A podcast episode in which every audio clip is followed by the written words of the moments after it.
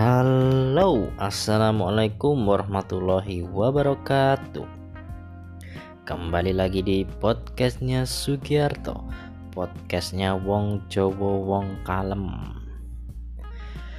Oke, pada episode kali ini aku mau ngebahas tentang pencarian jodoh.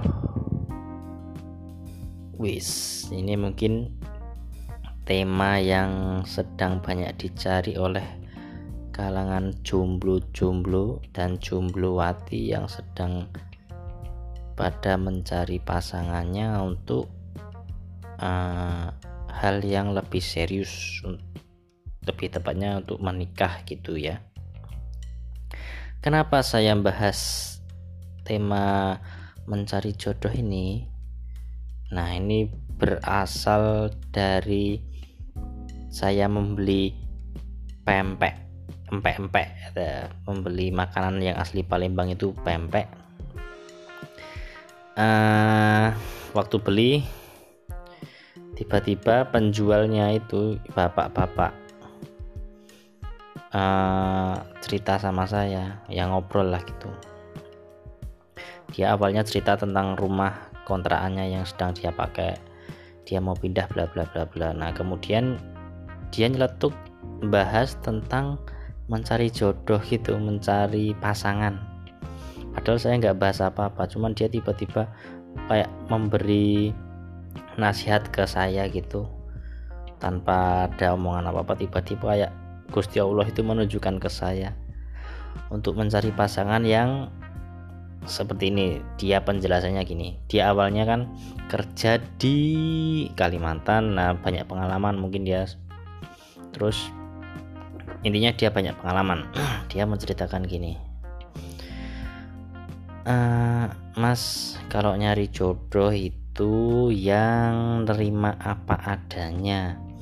Yang kamu kalau bisa jadi dirimu sendiri jangan dibuat-buat.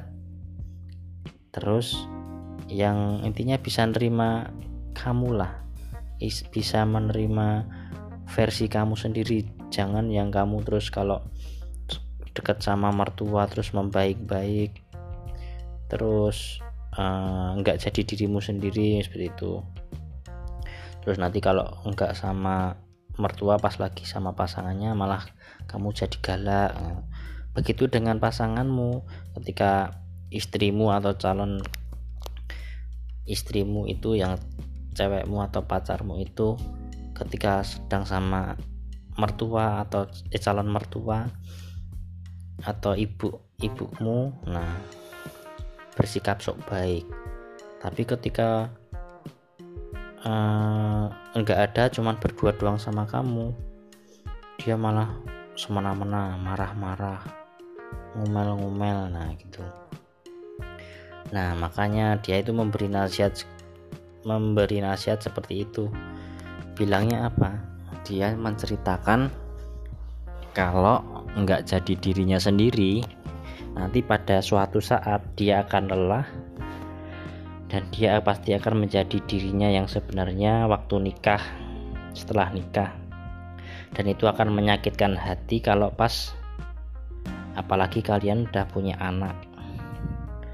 Dia jadi ya orang yang sebenarnya marah gak pengertian. Gitu. Jadi kayak tekanan batin. Itu yang bapaknya ceritakan ke saya tadi seperti itu. Kalau bisa jadi yang menerima kamu apa adanya tentang pekerjaanmu tentang kepribadianmu tentang dirimu ya jangan jangan pakai topeng lah jangan sok baik-baik. Ya memang waktu pacaran itu kebanyakan menampilkan yang baik-baik aja tapi dari sisi bapaknya tadi menyarankan kalau bisa jangan cari pacar tapi kalau bisa cari istri. Nah itu saya setuju banget cari istri. Cuman kan kita memang harus menyeleksi memilih-milih tadi dengan ya pendekatan kalau Indonesia itu lebih banyak orang ke pacaran gitu ya. Taruh ya ada cuman ya begitulah. Intinya banyak cara untuk mengenal satu sama lain. Kembali lagi ke topik tadi. Nah, bapak penjualan PMP itu tadi uh, menceritakan gini nih. Coba mas bayangkan kalau istrinya manut pulang kerja setelah pulang kerja kan capek ya. Istri sudah nyiapin teh dikasih anduk terus uh, intinya rumah udah bersih gitu kan enak ya mas ya. Kalau rumah suami pulang kerja rumah masih kotor terus masih berantakan ceweknya mainan tiktok gitu itu belum keibuan terus lebih banyak bertengkarnya masih keibuan jiwa keibuannya masih belum muncul. Kalau bisa jangan nyari yang seperti itu. Terus satu lagi kalau nyari eh, yang pendidikannya itu jangan terjauh-jauh lah katakan itu. Ya misalnya minimal SMA jadi kalau kalau diajak pergi itu enggak eh, kalau bapaknya tadi bilangnya nggak blow on banget lah kalau dibilang misalnya undangan di tempat rekan kerja. Jadi kalau ditanya-tanyain tentang masalah berita ini itu jadi kan bisa saling mengikuti gitu. Cuman ya kita jangan terlalu tinggi juga uh, ekspektasinya. Karena nanti uh,